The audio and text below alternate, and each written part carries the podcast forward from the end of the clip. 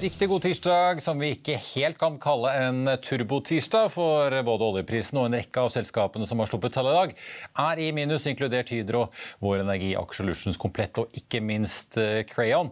Vi får besøk i studio av sjefen i både Aker Solutions og Nortel, som er ute med regnskap for tredje kvartal, begge to. Men la oss begynne med markedet akkurat nå. Hovedveksten på Oslo Børs ned 0,9 etter oppturen da på 0,25 i går.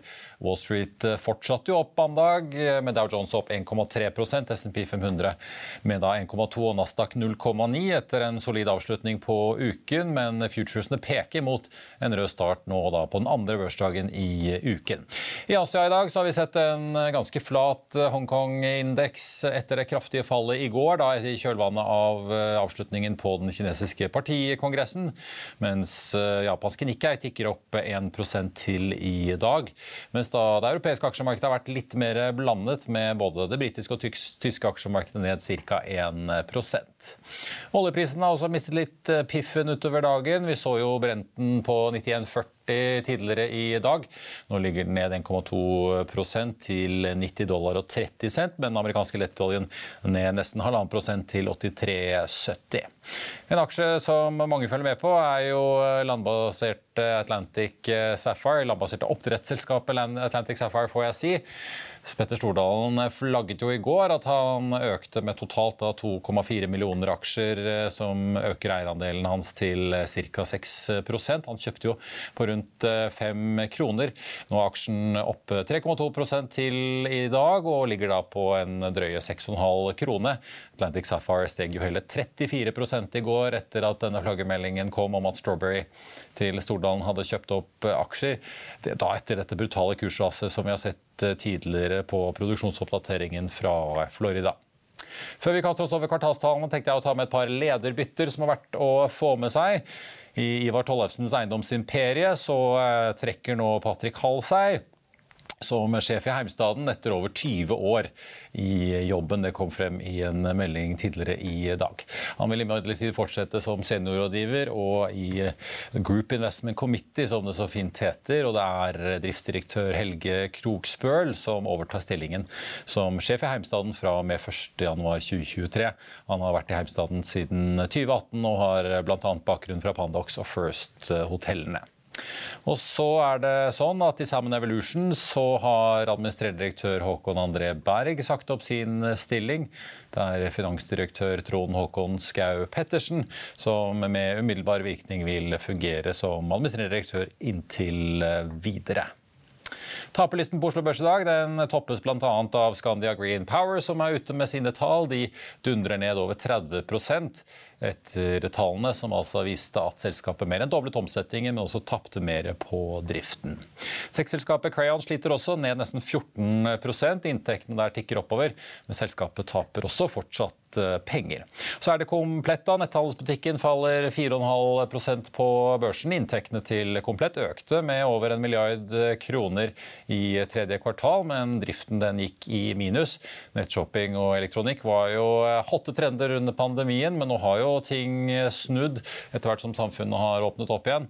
Komplett eh, de skuffer da nok en gang. I andre kvartal endte det justerte driftsresultatet på minus 10 millioner kroner mens selskapet fikk et resultat for skatt på minus 43 millioner. og Det er særlig da privatsegmentet B2C som er svakt, med et inntektsfall på 23 og 27% i henholdsvis Norge og Sverige. Norsk Hydro faller halvannen prosent på Oslo Børs. De er også ute med sine tall, som viser et justert driftsresultat på 9,7 milliarder kroner. Det er 2,5 milliarder bedre enn samme periode i fjor.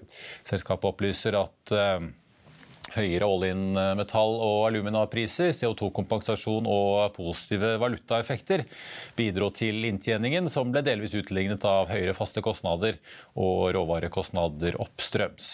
Ifølge Hydro så medfører krigen i Ukraina høye priser på energi og bekymring knyttet til inflasjon og økende renter for at det fortsatt er mye usikkerhet om utsiktene til vekst i 2022 og 2023. Det er verdt å merke seg at Hydro tjener gode penger på å selge den kraften som de da ikke bruker i anleggene som de har kuttet kapasiteten i. Hydro eh, vurderer for øvrig også nå alternativer til en børsnotering for fornybarselskapet Hydro Rein, som Hydro tidligere har sagt de har planlagt å børsnotere i løpet av 2022. Det er fortsatt planlagt en kapitalinnhenting da i løpet av dette kvartalet, skal vi tro Hydro-sjef Hilde Merete Aasheim. Så er oljeselskapet Vår Energi ute med sine tall. Den aksjen er ned 2,7% Driftsresultatet endte på 1,45 milliarder dollar, litt svakere enn ventet, likevel kraftig opp fra samme periode i fjor, da de endte på 824 millioner. Eh, Vår Energi de tar også øker utbyttene sine nok en gang. Da lå det jo da på andre kvartal i år på 260 millioner dollar. I tredje kvartal ble det økt da til 290, og nå skal de opp til 300 millioner dollar for fjerde kvartal. 300 millioner dollar det tilsvarer rundt 1 krone og 27 øre aksjen. Resultat før skatt endte på 1,16 milliarder dollar, og i forkant hadde analytikerne ventet da 1,60. Så får vi jo ta med at uh, Vår Energi og konsernsjef Torgeir Rød hadde jo allerede varslet at uh, det var utfordringer med Balder X-prosjektet, der prislappen har gått fra da opprinnelige rundt 20 milliarder til langt over 40 og at det også er forsinkelser. Der tar uh, Vår Energi en nedskrivning på drøye 570 millioner kroner. Unnskyld, milliarder dollar. Og så hadde de også tatt ned, da, som vi allerede visste om, produksjonsguidingen for 2022. De har ikke da kuttet guidingen foreløpig for 2023. Og eh, alt dette var jo da knyttet til eh, driftsproblemer på enkelte felt. Selskapet skriver at eh, utover Balder X så går store prosjekter fremover etter plan, til tross for da fortsatt uroligheter i makrobildet og visse logistikkproblemer i verdikjeden. De beholder også da investeringsbudsjettet som er anslått for 2022. Og Vil du høre mer om Vår Energi, så er det bare å glede seg til torsdag. Da kommer konsernsjef Torgeir Rød hit til studio. Og Klarer du ikke å vente på det, så kan du også se dagens spørsmål, der analysesjef Øyge Bruaseth i Nordea argumenterer for hvorfor Vår Energi kunne betalt enda mer i utbytte. En aksje han hadde kjøpt 45 kroner på da i forkant av rapporten. La oss i Finansavisen hjelpe deg med å holde deg oppdatert på alt som skjer i finans og næringsliv. Hver morgen er jeg, Marius Lorentzen, og aksjekommentator Karl Johan Målnes på plass i studio for å ta tempen på dagens marked i Børsmorgen. På ettermiddagen oppsummerer vi alt du trenger å vite i økonominyhetene, og så får vi selvfølgelig besøk av masse interessante gjester. Du finner oss på fa.no-tv, eller ved å søke opp Børsmorgen og Økonominyhetene der du hører på podkast.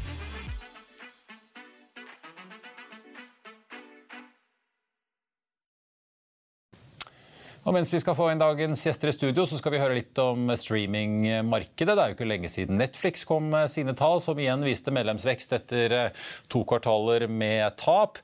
I dag er det konkurrenten Viaplay som er i vinden. Aksjen er ned hele 28 på Stockholm-børsen i dag. Antall abonnenter hos Viaplay vokste med 78% i kvartalet mot eh, tredje kvartal i fjor, og det var som ventet.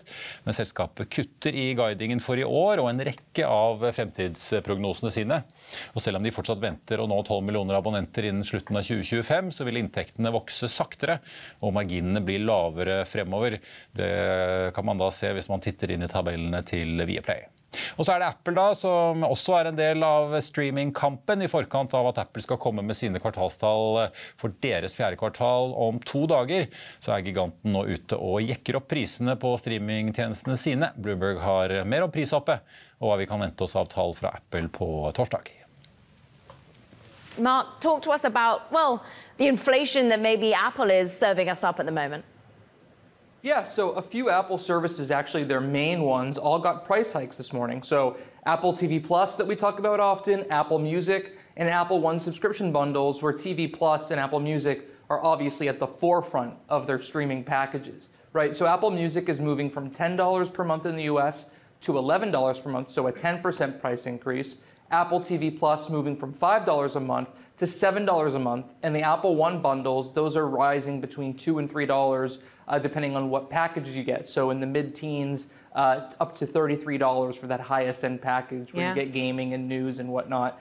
Uh, Apple's saying this has to do with higher costs for licensing related to music. And on the TV Plus front, when Apple TV Plus launched in 2019, the company correctly says that there were basically no shows or very few shows at the get go. Now TV Plus has dozens of shows. Still no back catalog, but certainly you're getting more bang for your buck now than you did before, Yeah. uh, which means they're now raising those prices. And we saw the impact on, say, the stock of Spotify, where many now preempting they might pass on some of their prices to the consumer as well. Talk to us about more what we expect from Apple's numbers as well. Out later this week, of course, most valuable company. It's important to us. Yeah, so analysts sticking to services believe that Apple is going to come in almost to $20 billion, right? Wouldn't be an all time record, right? But would be uh, fairly significant for a fourth quarter. That's for services specifically. In terms of overall, we're talking about between the mid 80 billions to low 90 billions. Those are the estimates I've seen between about 5 and 8% year over year growth. Now, that growth is not going to be as significant as the year over year growth you saw uh, a year ago in the fourth quarter 2021. That was about 20 to 25% year over year growth. Obviously, that was COVID induced, more iPad and Mac purchases. But any growth, given the current conditions of the economy, uh, is a pretty good thing for Apple at this point. One major thing you can probably attribute to that, however, is the iPhone 14 Pro and Pro Max line that you're showing right now uh, on TV. Those phones have done especially well with some of the new features like the better camera, satellite features, the dynamic island in the screen. People have been buying those up, and Apple got an extra week of sales for that device Yeah. because they released it one week earlier than they historically do for new iPhones. So that's where you're going to see the growth from this quarter. Da skal vi få inn eh, dagens eh, første gjest som opererer i et brennhett marked i vekst, nemlig olje og gass. Men fins det noen skjær i sjøen når verden kanskje nå går inn i en resesjon? Og hvordan vil egentlig selskapet se ut når subsidielen spinnes ut og man satser videre på både olje og gass, fornybar og ikke minst lavkarbonløsninger? Velkommen til oss, konsernsjef i Aker Kjetil Digre. Akkurat ferdig med kvartalspresentasjonen. Du, eh, ta oss litt gjennom hovedtallene i eh, kvartalet. Dere har jo en ganske ganske stødig omsetningsvekst fra 7,3 helt opp til 10 milliarder mot, mot samme periode i fjor. Vi ser også at uh, EBITDA-en øker. Uh, det er begynner å lukte nesten på en uh, dobling uh, til 736 millioner. Bunnlinjen også mer enn doblet. Ja, nei, jeg er, jeg er fornøyd med tallene. Vi snakker jo om at, at det, det viktigste for oss er å se de lange linjene.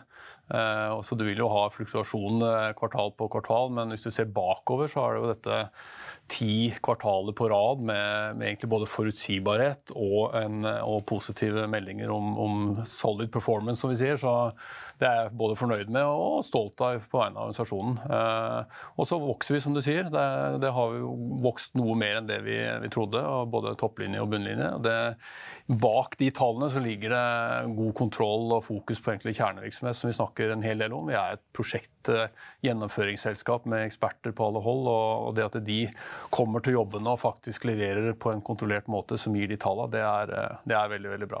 Det, det er jo en bransje hvor det er lange linjer, og ting slår ikke inn umiddelbart, selv om vi ser i nyhetsbildet at oljeprisen kanskje klapper ned i nesten minus, som den var eh, til tider under korona, og langt over 120 nå tidligere i år.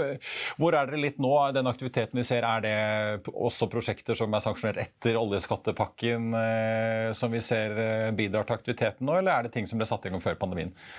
Nei, Det er nok, det er nok noen, noen av de viktigste prosjektene vi holder på med nå, i tillegg til det liksom bunnpådraget av eh, små og mellomstore oppgaver i MMO-businessen og, og i Subsea, så er det noen store som, eh, som eh, kom etter. F.eks. Jans-prosjektet, hvor vi har kommet nå over terskelen på, på 20 framdrift og begynner å ta ut marginer på det. Så det Altså Chevron sitt gasskompresjonsprosjekt i Australia. Ja. Riktig. Det som vi også er veldig stolte av, for det er liksom runde to av den gasskompresjonsteknologien som vi også hadde på Oscar, som befester posisjonen vår innenfor det området. Eh, Og så er det klart at vi har jo viktige prosjekt som Castberg, som egentlig har vært oppgaver som har gått eh, tvers igjennom eh, pandemien, og, nå er i en sånn viktig sluttfase på, på Stord. Og så har vi begynt å få prosjekter som er knytta til skattepakke. Det første var jo Hod-prosjektet, som kom med omtrent dagen etter og ble levert som planlagt og under budsjett i løpet av året. Så, og så går vi inn i en, i en periode nå hvor det er planlagt å sanksjonere en hel del av de skattepakke- eller aktivitetspakkeprosjektene.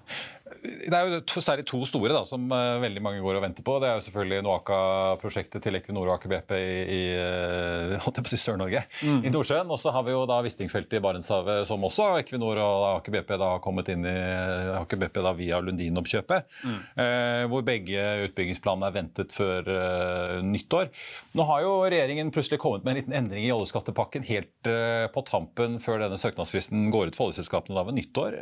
som leverandør ser dere noen endringer i utsiktene deres som følge av det her? For det er jo åpenbart eh, to veldig store prosjekter som dere er involvert i på, eh, med ganske stort omfang. Ja. Nei, altså endringer ser vi ikke. Eh, vi jobber, har jo jobba nå år og, og intenst nå særlig i 2022 med å modne dette her sammen med både Equinor som operatør på Wisting og etter hvert Aker BP som dominerende aktør på alle NOAKA-oppgavene våre. For det er flere av de. Det er Subsea, det er, det er plattformer, jackets og også kraft for landløsninger. Så der har jo vi gjort uh, det, og vært den vante, vante, aktøren med å modne prosjektene. Og, og, så er det jo typisk det at når man går inn mot en investeringsbeslutning i lisensene, så er vår rolle mer å modne videre noen temaer, mens, mens det går lisensprosesser og myndighetsprosesser på om de skal beslutte den ene eller andre varianten av disse prosjektene. Så, og der er ikke vi involvert. En annen ting som eh, nok vil påvirke dere, i og med at dere tross alt har mange ingeniører og kloke hoder som jobber hos dere, er jo arbeidsgiveravgiften, som også skal økes. Eh, jeg hadde besøk av den nye sjefen i Kongsberg Maritime her for ikke så veldig lenge siden, eh, Lise Edvardsen. Hun snakket om at dette for Kongsberg Gruppen kanskje utgjør en ekstraregning på 70-90 millioner årlig. Hvordan påvirker dette dere? Nei, vi, vi, ser på det og, og, har begynt å forstå konsekvensene av det. Og det er vel i landsstrøket 70 millioner for vår del også. Eh, når man ser på hvordan summen av, av, lønn og pensjon og overtid og alt dette her skal forstås da, i forhold til den nye terskelen. Eh, Men er det, liksom, er det mer enn en sur ekstraregning? Påvirker det viljen deres eller interessen for å ansette i Norge? Altså, vi har ikke tatt noen retningsendringer på det, men, men, det er helt åpenbart at sånne ting påvirker. Vi, så langt i år har vi ansatt 2300 nye kollegaer på tvers av hele oppsettet. Og selskapet vårt er ikke, er ikke siloer i de enkelte land. Vi har en internasjonal både leveranse- og samhandlingsmodell. Eh, det som har vært bra med Norge, er vi er en kompetansebedrift, og det er en forholdsvis flat sånn lønnsstruktur. Eh, så spesialister og sånn som er, er, er, over den terskelen, de, de, har vi egentlig hatt en ganske OK kan vi si, eh, prislapp på når vi tilbyr det inn i en global konkurranse. Og så skjer dette, så det hjelper jo ikke. Eh, så Det er det ene i forhold til konkurranse. Det andre er jo at det, det, det vil jo kunne få en liten dreining mot å faktisk da manne opp og lete etter folk i andre regioner og, og lokasjoner enn Norge.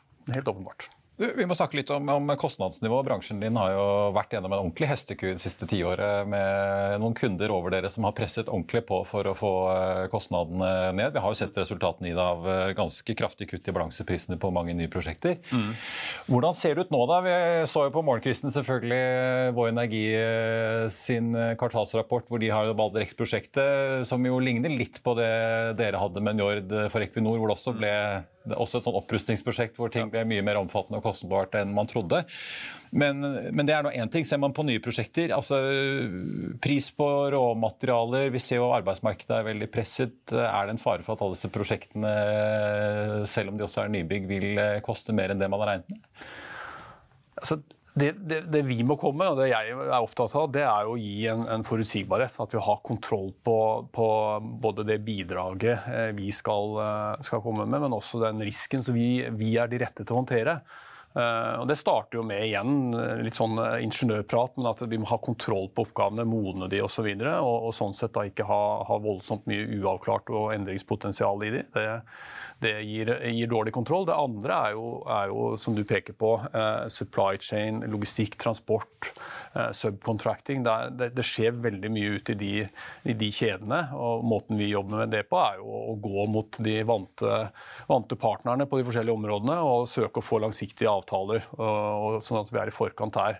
Et annet grep vi tar inn mot hele supply chain, er jo at vi, vi, identifiserer hva det er som tar lengst tid. Altså long lead items-type tenkning, og er i gang med å sikre kapasitet på det allerede. Og så er det det med kapasitet, selvfølgelig. Altså vi, er jo ute og manner opp. og Det er jo fordi vi har lyst til å, å måte, ramme inn alle de nye oppgavene med en robust organisasjon. Og igjen da, Fokuset mitt er å få de godt i gang og i forkant av at de faktisk skal begynne å gjøre jobb. Og at vi har en, har en margin sånn kapasitetsmessig opp til eh, et nivå som vi kanskje kommer på da, hvis vi erfarer vekst i, i disse gjennomføringene. Litt sånn komplisert, men det er vår, måte, hoved, eh, et vårt hovedbidrag å ha kontroll på alle de faktorene. Men ser dere at liksom Vi ser jo konsumprisindeksene rundt omkring, ikke bare i Europa, men i USA. Altså, I alle de store økonomiene tikker jo oppover 5-10 eh, jevnt over. Ja da. Mm. Oljebransjen kan jo ikke være noe unntak på det? Nei da, helt, helt klart. Men det vi faktisk ser, det er jo en stabilisering på en del, på en del eh, råvarer og, og, områder hvor vi følger tett. Så ser vi en stabilisering og også og noe nedgang på enkeltområder. Og det er jo egentlig mm, at, at, det skjer en, sånn type dreining i kombinasjonen av demand og supply, og at eh, altså demand og det vi ser av oppbremsning rundt omkring, faktisk preger det mer enn den supply-tematikken som vi har stått oppe i nå pga. aktivitetsnivå og egentlig litt sånn begrensninger fra Russland-Ukraina-konflikten, som stenger noe kapasitet og muskler ute, og, og også logistikk som preges av at du må ta andre ruter. og ja. Nå diskuteres det mye som jeg var inne på i introduksjonen min, om, om vi får en, en resesjon i, verdensøkonomien nå utover i neste år. Eh, din konkurrent i Slumberger, som nå etter SLB, Olivier Le Peuc, var ute i går i et intervju. og eh, jeg synes Interessant nok snakket om at han mente at olje- og gassbransjen var litt frikoblet fra hele den resesjonsdiskusjonen, rett og slett fordi at prisene er høye og, og etterspørselen er fortsatt såpass uh, stor. Hva ser dere når dere nå ser eh, inn i 2023? da? Dere varslo en mm. inntektsvekst i år på ja, en 35 mm. Nei, Det begynner da kanskje med strategien vår. Eh, jeg har jo klokketro på at, eh, at, en aktør som oss har både mest å tjene på, men også det rette stedet å være i hele energimiksen som vi, som vi er kjent med. Og den største andelen av det er jo olje og gass. Og det er jo et unikt produkt, eller produkter, eh, som kommer derifra. Og mye enklere å se at det kan spille en viktig rolle eh, fremover i forhold til energy security, omlegging av hele oppsettet og samarbeid rundt energi til Europa. Og Da er jo det vi kan tilby innenfor det området, helt essensielt. Og Er det én ting jeg på en måte er usikker på, men som jeg ikke lenger har på min, min kalender og agenda, så er det jo, er det jo leting. Og og, og, siden det eh, har fått seg en knekk over de siste åra, og, og, enten må tikke opp eller, eller kanskje skje mer internasjonalt, så, så vil jo det vi, det vi, har allerede, bli bare viktigere og viktigere. Eh, og det ser vi jo på den aktiviteten vi blir bedt om å være med på. Oppgradere eksisterende plattformer, uh, bygge ut med subsea tiebacks og topside-modifikasjoner jobbe med digitalisering og andre grep for å få eh, produksjonsoptimalisert og energieffektiviteten på plass. Så det er ganske mye sånn type arbeid som, som kommer til oss pga. det. Men ser dere noe sånn rush litt som vi så for en tiår tilbake, da oljeselskapene var så fanatisk opptatt av å få til vekst, vekst, vekst for å møte denne uendelige appetitten etter olje, at man på en måte var villig til å gå til leverandørindustri og bare betale mer og mer og mer for å få prosjektene ferdig. Ser dere noe tegn til det nå, eller er det fortsatt en helt annen sånn kapitaldisiplin fra oljeselskapenes Eh, side, til tross for at kassene deres renner jo over av kontantstrøm og inntekter? Jeg jeg syns vi ser den samme disiplinen på de eh, faktorene som vi påvirker direkte. Hvor, hvor, hva slags fokus igjen har vi på å få kontroll sammen på prosjektene, så vi, så vi veit hvilket nivå vi skal være på. Det rushes ikke fra en tidlig fase over til en gjennomføring før man har nettopp den kontrollen. Og så blir vi jo eh, tatt av, av, kostnadsvekst, som du pekte på, og særlig for, eh, for, eh, for operatørene så ser jo de det litt, litt på brei front. Men eh, nei, samme, samme, disiplin og fokus på at vi skal gjøre de tingene som vi, som vi veit vi kan levere på. Og igjen så tror jeg at jeg kan si det fordi vi har et sett med nøkkelkunder som har jobba sånn over år. Og det er de samme vi har lyst til å jobbe videre med. Og en av de tingene vi faktisk diskuterer nå mer, det er jo okay, hvordan er det vi er eh, jobber med forbedring eh, eh, sammen. Altså en felles forbedringsagenda. Hvordan er det vi med det som utgangspunkt kan begynne å se litt, litt sånn lengre horisont på samarbeidet. Så selv om man skal konkurrere eh, mulighet for mulighet, prosjekt for prosjekt, så, så bør man jobbe sammen med nettopp forbedring av, av modellen, så ikke vi ja, har masse, masse waste i samarbeidet. Et eksempel er jo allianseoppsettet vi har med, med Aker BP, men vi har også med andre kunder veldig godt sånt eh, framoverlent, moderne samarbeidsagenda, egentlig. Litt nye tider. Mm. Du, til slutt må vi snakke litt om, eh, om eh, fornybar og subsea. På fornybarfronten så ser vi jo en del av disse produsentene slite med ganske tynne marginer om dagen, som vi ser på Vestas, Siemens Gamesa. Det er jo ikke så lenge siden dere meldte om at dere i samarbeid med Siemens ser ut til å gå videre med Vattenfall på dette Norfolk-prosjektet, som jo hvis alt går som det skal, vil gi ganske betydelige milliardinntekter for å levere omformerplattformer, bl.a. Mm. Si litt om, om på en måte fornybarmarkedet. Hvordan ser det ut nå? Vi har jo en bransje som da også møter inflasjon, eh, som de vel knapt har sett eh, det siste mm. ti året, med priser som faktisk begynner å gå litt oppover for eh, enkelte. Legger det på en måte noen kjepper i hjulene for den veksten og prosjektutviklingen som dere jo er veldig opptatt av og også trenger for å nå deres egne fornybarmål? Ja. Jeg tror først, Fornybar for oss er jo minst tre forskjellige leveranseområder hvor vi kommer med versjoner av selv. Jeg kan begynne med det du nevner. HVDC-plattformer er jo eh, til forveksling, forveksling likt det vi gjør på olje- og gassiden når vi lager, eh, både designer og bygger plattformer. Er, du skal treffe et litt annet nivå sånn kvalitetsmessig, for det er ikke det er ikke gass under høyt trykk, for å si det sånn. Men, men uh, bortsett fra det, så er det, er det den versjonen av oss sjøl vi bruker der. Uh, enk, store enkeltprosjekt. Uh, og nå med, med Norfolk-prosjektet sammen med Vattenfall, så har vi fått de helt rette diskusjonene front. Vi har deriska prosjektet sammen, og vi, vi, sitter med de risikoene som vi kan eh, styre med, hver enkelt av oss, og til, til et helt annet startpunkt enn hva andre prosjekter har, har, hatt. Så Det er den ene versjonen. Det andre er jo at vi med særlig subsea-læringa veit at vi kan komme fram til standardiserte leveranser og, og, særlig offshore vind, det de trenger, er jo, det er jo en idé om standardisering, eh, samarbeidsmodeller som er annerledes, men også masseproduksjon av komponenter. Eh, og Det vet vi at vi kan, og det er et område vi selvfølgelig vurderer om vi har en rolle i. Og så Det tredje er jo på mer den engineering- og rådgivningssida, hvor vi har et, en vekstambisjon. og Vi ser allerede nå at det startpunktet vi har med Aker Solutions og det vi kan innen offshore olje og gass, med noen oppkjøp og også organisk vekst, er veldig relevante for den delen av fornybarområdet. Rådgivning for de forskjellige aktørene. Men vil det liksom, nå ser vi jo eh, I EU er det jo windfall tax-forslag som kommer på bordet. Vi ser I Norge så skrur de opp uh, skatten på, på kraftbransjen. Hvordan påvirker det på en måte da utsiktene deres også? Blir da Vattenfall og de andre kundene mer usikre på hva de skal gjøre fremover? Eller setter de ting på vent? Nei, altså igjen så har ikke vi opplevd en stor sånn dreining. Og, og som vi sa også når du spurte om det innledningsvis, det er jo på en måte det er kundene våre som treffes direkte og, og jobber nå med å forstå og helt sikkert diskutere før det endelig besluttes. Eh, og så vi, eh, vil jo vi selvfølgelig påvirkes av det hvis de tar noen retningsvalg og kanskje stopper noen prosjekter. Eh, innenfor, innenfor, norsk vannkraft så har de vært tydelige på at uh, der, der, vil de jo være en del sånn uh, endring og oppbremsning. Og vi har jo et, et selskap nå i, i Aker Solutions som heter Rainpower, som jobber med både vedlikehold og oppgradering på nettopp det. Så det vil nok kunne påvirkes, men det er ikke noen tydelig store endringer ennå. Til slutt, du, eh, Nå holder dere fortsatt på med den store Subsea-dealen sammen mm. med Schlumberger og Subsea 7. Eh, dere tar jo ned eierskapet fra 40 til 20% i prosessen her. Får ut 700 eh, millioner dollar, pluss-minus 7 milliarder kroner. Veldig mange vil jo lure på hva dere skal bruke de pengene på. Dere er jo i gang med utbyttebetalinger igjen. Mm. Jeg antar også det kanskje er noen i ledergruppen din som har noen interessante investeringer å komme med. Hvordan skal du allokere denne kapitalen?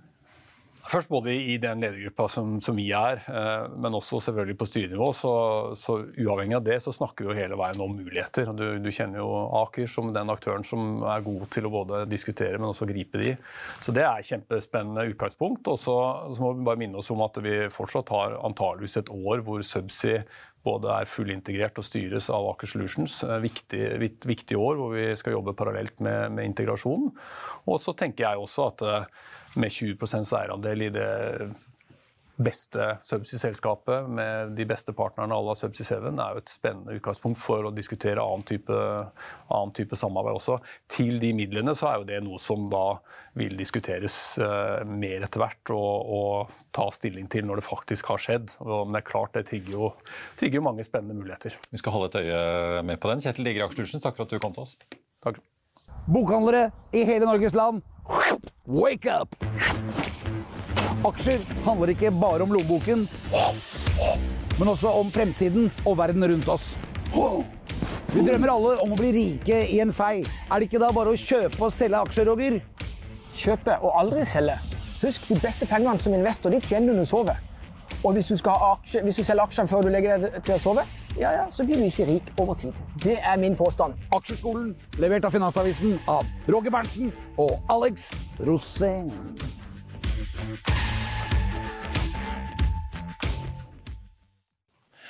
Da skal vi til eh, Telekom, for etter at Telia kom med sine tall på tampen av forrige uke, og Telenor kom med sine kvartalstall i morgen, så slipper utfordreren Nortel sine tall i dag. Og tre år etter etableringen og under to år etter børsnoteringen, får jeg si, så kan de altså vise til at eh, det justerte driftsresultatet har snudd til pluss. Velkommen, administrerende direktør Christian Pritchard. Tusen takk. Eh, dere er jo et selskap som har vokst eh, veldig, og som dere skrev om i en børsmelding her for ikke så veldig lenge siden, så vokser dere mer enn alle de andre i bedriftsmarkedet hvor dere opererer i eh, Norge.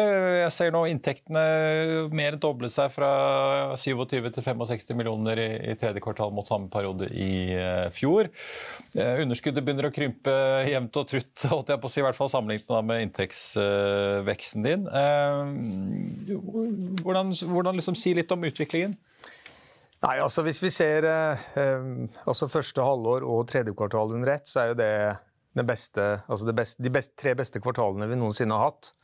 Eh, vi kjøpte jo opp Athea Mobil i andre kvartal, så det er klart vi fikk en betydelig vekst basert på det. Men vi har hele tiden vært veldig bevisst på at vi skal ha god organisk vekst, selv om vi gjorde det oppkjøpet.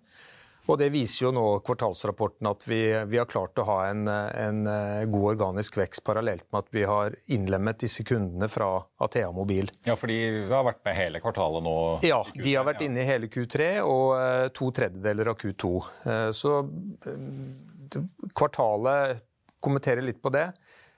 Tredje kvartal er jo et kvartal som har en god del ferie i seg, men vi har jo veldig god tall for Q3. Og klart Når vi vokser i den grad vi gjør Eh, nå ut av sommeren eh, og inn mot eh, høsten og, og den jakta vi går inn i nå fram mot årsskiftet, så er, jo, så er vi veldig fornøyd med det vi har klart å, å oppnå nå på, dette, på, det halvåret her og det kvartalet her. Ja. Du fikk inn en 4000 kunder til hvis man regner antall SIM-kort omtrent i kvartalet. Endte på 64 000. Mm.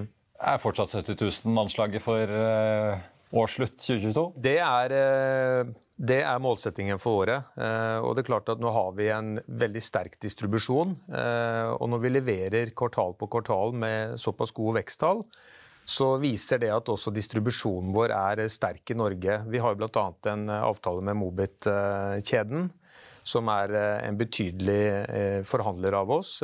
Techstep er jo en, en, en forhandler. Og så har vi vårt eget, uh, eget, apparat, og vi jobber jo enda mer inn mot det offentlige nå. Med, når vi fikk inn uh, Athea Mobil og tok over det bid-teamet som var i Athea Mobil, så viser vi at vi har også tatt en posisjon der, med bl.a. signeringer av Kystverket og Statens vegvesen f.eks. Så, uh, så der også har vi tatt en posisjon, og den skal vi holde på. Nå har jeg da justert driften i, i eh, pluss. Eh, driftsresultatet ujustert eh, endte på minus 11,5 millioner. Hvis vi ser på inntjening per kunde, da, såkalt Arpun, endte den på 330 mot 390 kroner måneden per kunde på samme tid i fjor. Jeg vet jo at disse Athea-kundene har mindre inntekter enn de andre kundene dere hadde fra før. Mm. Når er det dere venter å gå i pluss nå, da? Når åpenbart liksom på marginalen så begynner inntjeningen per kunde å bli eh, lavere enn før? Nei, altså Det er helt naturlig at Arpun synker noe som følge av det. Eh, men hvis vi ser på den organiske basen, altså Nortel SIM-basen, så er jo den eh, opp mot 380-390. Det var faktisk vekst i Q3 på 18 kroner på den basen. Så det er, det er en naturlig endring etter at Athea Mobilkundene kom inn. Eh, men vi forventer også bedre marginer etter hvert. Vi gjør jo bl.a. den justeringen og løfter oss opp fra serviceprovider til MVNO. For de som ikke kan bransjen, Hva betyr det i praksis? Nei, MVNO er jo en, eh, en Dere leier jo uansett nett av Telenor? Vi leier nett hos Telenor, så radionettet er jo akkurat det det er i dag. Eh, men vi går fra altså MVNO, da trekker vi deler av tjenesten ut fra Telenor og har muligheten til å være, skape mer innovasjon. Vi kan gjøre mer på produktsiden på, e, for egen maskin. Og dette gjør vi sammen med et par eh, leverandører som har gjort dette tidligere. Og, og, det vi ser der med MVNO, er at vi, vi får en helt annen marginsituasjon i selskapet. Eh, som følge av at reguleringen er bedre på MVNO. Og det vil gi oss en styrke. I tillegg så ser jeg Sparebank Market som uh, er det meglerhuset som uh, dekker dere. Så får jeg si også at de var også de som hjalp dere å komme på børs i sin tid. bare så det er sagt. Det er riktig. Men likevel, de har jo en, en uh, kjøpsanbefaling på aksjen på 25 kroner. Var sist på 19 i går. Men de snakker jo om at det overgangen her vil løfte marginen med 20 prosentpoeng. Ja, det 18-20% er det vi tror det vil løfte dem med, og det ser vi egentlig. Det virker jo ganske kraftig? Ja, det er det. Og det er litt av grunnen til at vi velger å ta dette løftet. Og eh, det er jo spesielt på enhetskost. Og det er bare reguleringen fra myndighetenes side som fremtvinger det? Det er prisinnslaget på den avtaleformen. Eh, ta f.eks. taleminutter. reduseres jo, altså Kosten på taleminutter reduseres jo betydelig. Og med det volumet vi har nå, så slår dette veldig positivt ut eh, for oss. Si litt om, om utviklingen i uh, markedet. for Dere er jo i bedriftsmarkedet. Dere konkurrerer jo med Telenor, er jo selvfølgelig den største med god margin i uh, Norge. Vi vet jo også at Telia pusher veldig på. De er jo både seg selv og, og Fonero som de kjøpte opp. Nå kommer jo Telenor i morgen, men de har jo allerede varslet at uh, økte strømkostnader, i hvert fall for konsernet, fort kan gi en ekstra regning på en milliard kroner i andre halvår. Uh, Telia var ute nå og endret guidingen sin. De tar rett og slett bare ut energikostnader fra sin guiding for konsernet. Eh, så de regner jo fortsatt da med, med lav ensifret vekst i inntekt og, og EBITDA, men da før strømregningen skal eh, betales. Mm. Begge to snakker om at de har økt prisene i eh, markedet, også i det norske markedet. Hva ser dere, og øker dere prisene? Vi følger på, altså vi følger veldig tett med konkurrentene og kommer til å se hva de gjør framover i Q4. Så får vi ta en vurdering av det når vi ser hva de gjør. Eh, som sagt så er jo vi, vi leier jo nettjenesten, så vi bruker jo på en måte all vår kapital på utvikling og vekst. Og har jo således ikke et ansvar for å drifte nettet. Så det er jo på en måte vår styrke. Ja, mm. Så du vil se hva på en måte regningen fra Telenor ender på, eller om de eventuelt øker faktureringen mot deg? Ja. ja. Mm. Uh, ellers da, jeg tenkte sånn, altså Tross alt da, inflasjonen er jo hva den er. Vi ser jo en, eh, ja, Før strømstøtten begynner å nærme oss 10 i Norge med den, så vi er jo fort liksom på sekstallet på konsumprisindeksen i Norge. Justerer dere likevel opp for å holde tritt med det, eller? Vi har... Antar jo dere får vel også økte lønnskostnader og økte alt mulig rart? Eh, arbeidsgiveravgift og det som er? Alt uh, følger med, så, uh, men vi vurderer nå sterkt hva vi skal gjøre. Uh, men klart, vi har jo ikke de økningene som netteierne har.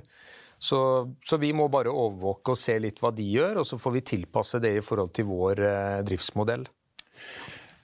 Sparebank Markets i sin eh, preview på tallene deres er jo ute og snakker om at dere også kan ses på som et eh, oppkjøpscase. De nevner jo da nevnte Telia, som jo har vært og kjøpt masse i Norge opp gjennom årene. De nevner Ice og deres eier Lyse i Rogaland, og også Telavox, som er en av de største aksjonærene dine. Det svenske firmaet som kjøpte E-Rate, denne leverandøren av Nordløsninger. Mm. Hvordan ser du selv på det som gründer av selskapet? Nei, Vi er ganske pragmatiske til det. Eh, vi, vi, vokser, og vi har et eh, mission om å utfordre duopolet. Eh, og det alle, alle, i Nortel tenker vekst, og vi skal levere kvalitetstjenester. Det at Telavox kom inn på eiersiden, det er jo for oss utelukkende positivt. Og den plattformen, Ukas-plattformen som Telavox opererer med i Sverige, den skal vi nå adoptere inn til Norge i en nortelifisert versjon.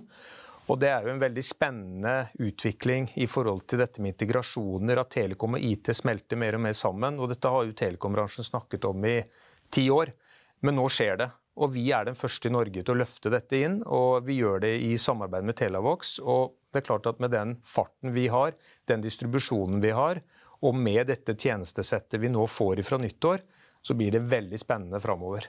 Ja, si litt kort til slutt. Vi vet jo at eh, konkurrentene dine jobber jo hardt med å, eh, kapitalisere på 5G-investeringene sine i eh, nettene. Så vi vil kanskje se at Ice også satser enda mer på bedriftsmarkedet nå som Lyse har kommet inn som eier. Men uansett, de, det er jo særlig bedriftsmarkedet hvor de vil forsøke å få inn merinntekter på alt fra sikkerhet til spesielle 5G-løsninger innenfor skivedelt nett. Hva er det Nortel skal tjene penger på utover da datapakker og SIM-kort eh, fremover? Er det liksom noen sånne store enkelttjenester som peker seg ut som inntjeningsdrivere? Vi ser at det ligger veldig mange eh, altså ARPU-økende eh, produkter i den nye plattformen vi nå lanserer. Og det er jo dette med som jeg nevnte, integrasjoner. At du kan integrere ERP-systemer, CRM-systemer sømløst inn i Telekom-plattformen. Og det er klart at uh, For oss så er det, det er viktig å ha, også ha differensiatorer i forhold til den konkurransen vi, vi ser der ute. Og som, uh, som, utfordrer så er man jo litt sånn privilegert i forhold til det å være first mover på smarte ting. Og man kan være ekstra kreative på dette med differensiatorer i, i produktet uh, i kofferten. Så i tillegg så er jo dette med MVNO-konverteringen det også er jo inntektsøkende for oss. Kanskje ikke ARP-økende, men det er inntektsøkende. Og med disse to eh, tingene slått sammen, altså den nye plattformen og MVNO-konverteringen, så går vi en veldig spennende tid i møte. Og Nortel er jo rigget for den videre veksten. Vi har akkurat også fått en ny toppfinansiering fra DNB, så vi, eh, vi står i det dette, og nå ser vi at ting har snudd. Vi leverer positiv BTA, Så, eh, og Marginløftet fra MNO det slår i full effekt fra med neste år? da, eller? Det vil starte i januar, og så vil det komme suksessivt eh, gjennom året. Så vi går inn i et veldig spennende 2023, og vi har aldri vært bedre rigget enn vi er nå. Det, det tipper jeg også Telia Telenor og Fonera ville sagt. Men Christian Pritchard i Nortel, tusen takk for at du kom til oss. Det blir i hvert fall spennende å følge med videre. Et par analytikeroppdateringer jeg tenkte å nevne på slutten. Nordea Markets analytiker Kristoffer Pedersen tar Athea fra hold til kjøp etter at de kom med sine kvartalstall da forrige torsdag den 20. Beholder kursmålet på 123. Den aksjen er opp 5,1 i dag til 111 kroner. Så er det Høg Autoliners. Vi vet jo at bilfrakt er et hot segment eh, for mange investorer. Det med Markets eh, analytiker Jørgen Lian oppjusterer kursmålet fra 65 til 79 kroner. Gjentar kjøp. Den aksjen er da opp 0,3 i dag til 49 kroner, så Lian ser en stor oppside der. Og vi får bare minne om da at de kommer med sine kvartalstall om to dager den 27. oktober. Blant de som har kommet med tall i dag, eh, så får vi ta med Norsk Hydro nå ned 0,1% til da 62,38 som vi hørte fra Øygen Bruaseth i Nordea, så mener jo både han og flere andre analytikere at eh, det nok er andre steder som er bedre å ha pengene sine. Veldig mange har selvanbefaling på den aksjen, selv om da Hydro leverer et resultatløft. Aksjelusjens har svingt en god del gjennom dagen, ligger nå opp 0,3 omtrent midt på treet i forhold til de svingningene vi har sett i dag. Vår Energi som kom med tall, ned 2,3 selv om de hadde på forhånd varslet både nedskrivning og overskridelse på Baderek 2026, og da kutt i årets eh, produksjonsguiding. Så har vi da Komplett, som har hentet seg en god del inn igjen, eh, nå ned 0,2 eh, Var jo ganske mye mer ned tidligere i dag, og opplever jo da en tilbakegang i netthandelsmarkedet. Så er det da Atlantic Sapphire som er opp fortsatt da, gode 5,5% i dag. Petter Stordalen flagget jo i går at han har kjøpt seg opp. Da steg jo aksjen mye mer enn det den gjør i dag, men en videre oppgang i dag, altså. Og så er det jo da de to virkelig store taperne i dag. Vi får si tre hvis vi tar med søta bror Viaplay, ned da 28 på Stockholm-børsen etter kutt i deres guiding for streamingmarkedet.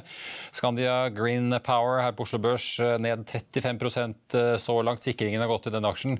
Og Crayon, som også er ute med tall, ned da nesten 15% nå på deres eh, kvartalsrapport. Nortel, som vi akkurat hørte fra, opp 7,4% foreløpig. En aksje hvor vi jo stort sett ser ganske tynt eh, volum. Ikke mange aksjene handlet der i dag heller, så ta de svingningene med en klype salt, får vi si. Hovedveksten på Oslo Børs ned 0,7% nå. Dermed ja, ligger vi omtrent midt på treet, ja, får vi si, eh, i Europa, hvor det ellers er litt blandet i dag. Oppe i Frankrike ser vi både tyske og britiske aksjemarkedet ned. Litt blant i Norden, hvor da København leder an med en oppgang på indeksen der på 1,2% Så får vi også ta med de, noen av de mest omsatte aksjene ellers. Equinor ned 0,4% Yara 3,5% i dag. Aker BP ned 1,6% da før de kommer med sine kvartalstall i morgen. Norwegian ned 0,7% De kommer også med sine tall da i morgen. DNB ned 2,3 Så får vi også bare slenge inn oljeprisen på tampen. Ned 0,4% for Nordsjøolje ned til til 90-99 dollar fatet akkurat eh, nå. Og så er det jo sånn at Futures to Ball Street de peker fortsatt mot en liten nedgang da etter to dager med oppgang både på fredag og i går. Blant tallene som kommer på Wall Street i dag i kvartalssesongen, 3M, Google Air, Alphabet, General Electric, HSBC, Microsoft, Texas Instruments og UBS. UBS leverte jo bedre enn ventet. Og så er det jo eh, sånn da at du bør få med deg avisen i morgen, selvfølgelig. Der skriver Trygve om næringspolitikken til Jan Christian Vestre og at batterifabrikkene tar kaka. Så hvordan det går med Trygves batterifabrikk kan du lese der. Og Så kan du også lese hvordan prisen på naturgass har tvunget Fjordline til å endre på rutetabellen, og så er Svedbank ute med nye makroprognoser. De venter en bråbrems i norsk økonomi, og at Norges Bank vil kutte renten igjen innen et års tid. Så det er nesten som man hører jubelropene fra boliglånskundene langt der ute i det fjerne. Det var eh, sendingen vår på denne hendelsesrike tirsdag 25. oktober. Og så kan jeg bare si i morgen blir det like hektisk, får vi si. Det kommer eh, kvartalstall fra oljeselskapene Aker BP og Okea og industriselskapene Elkem og eh, Elopak Elkem skal også ha en kapitalmarkedsoppdatering. Det kommer tall fra Norwegian, Telenor, Storebrand, PGS. Ja, listen den bare fortsetter. Og vi sparker i gang dagen med børsmålen da 08.55. Da skal vi få med oss Okea-sjef eh, Svein Jakob Liknes. Og så fortsetter vi økonominyhetene, der vi bl.a. får med oss den nye sjefen i Telenor Norge. Inntil den tid så får du som alltid siste nytt på fa.no. Ha en riktig fin dag videre.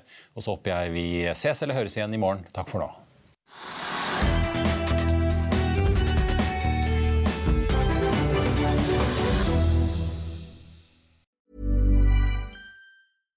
Small details are big surfaces. Tight corners are odd shapes. Flat, rounded, textured, or tall. Whatever your next project, there's a spray paint pattern that's just right.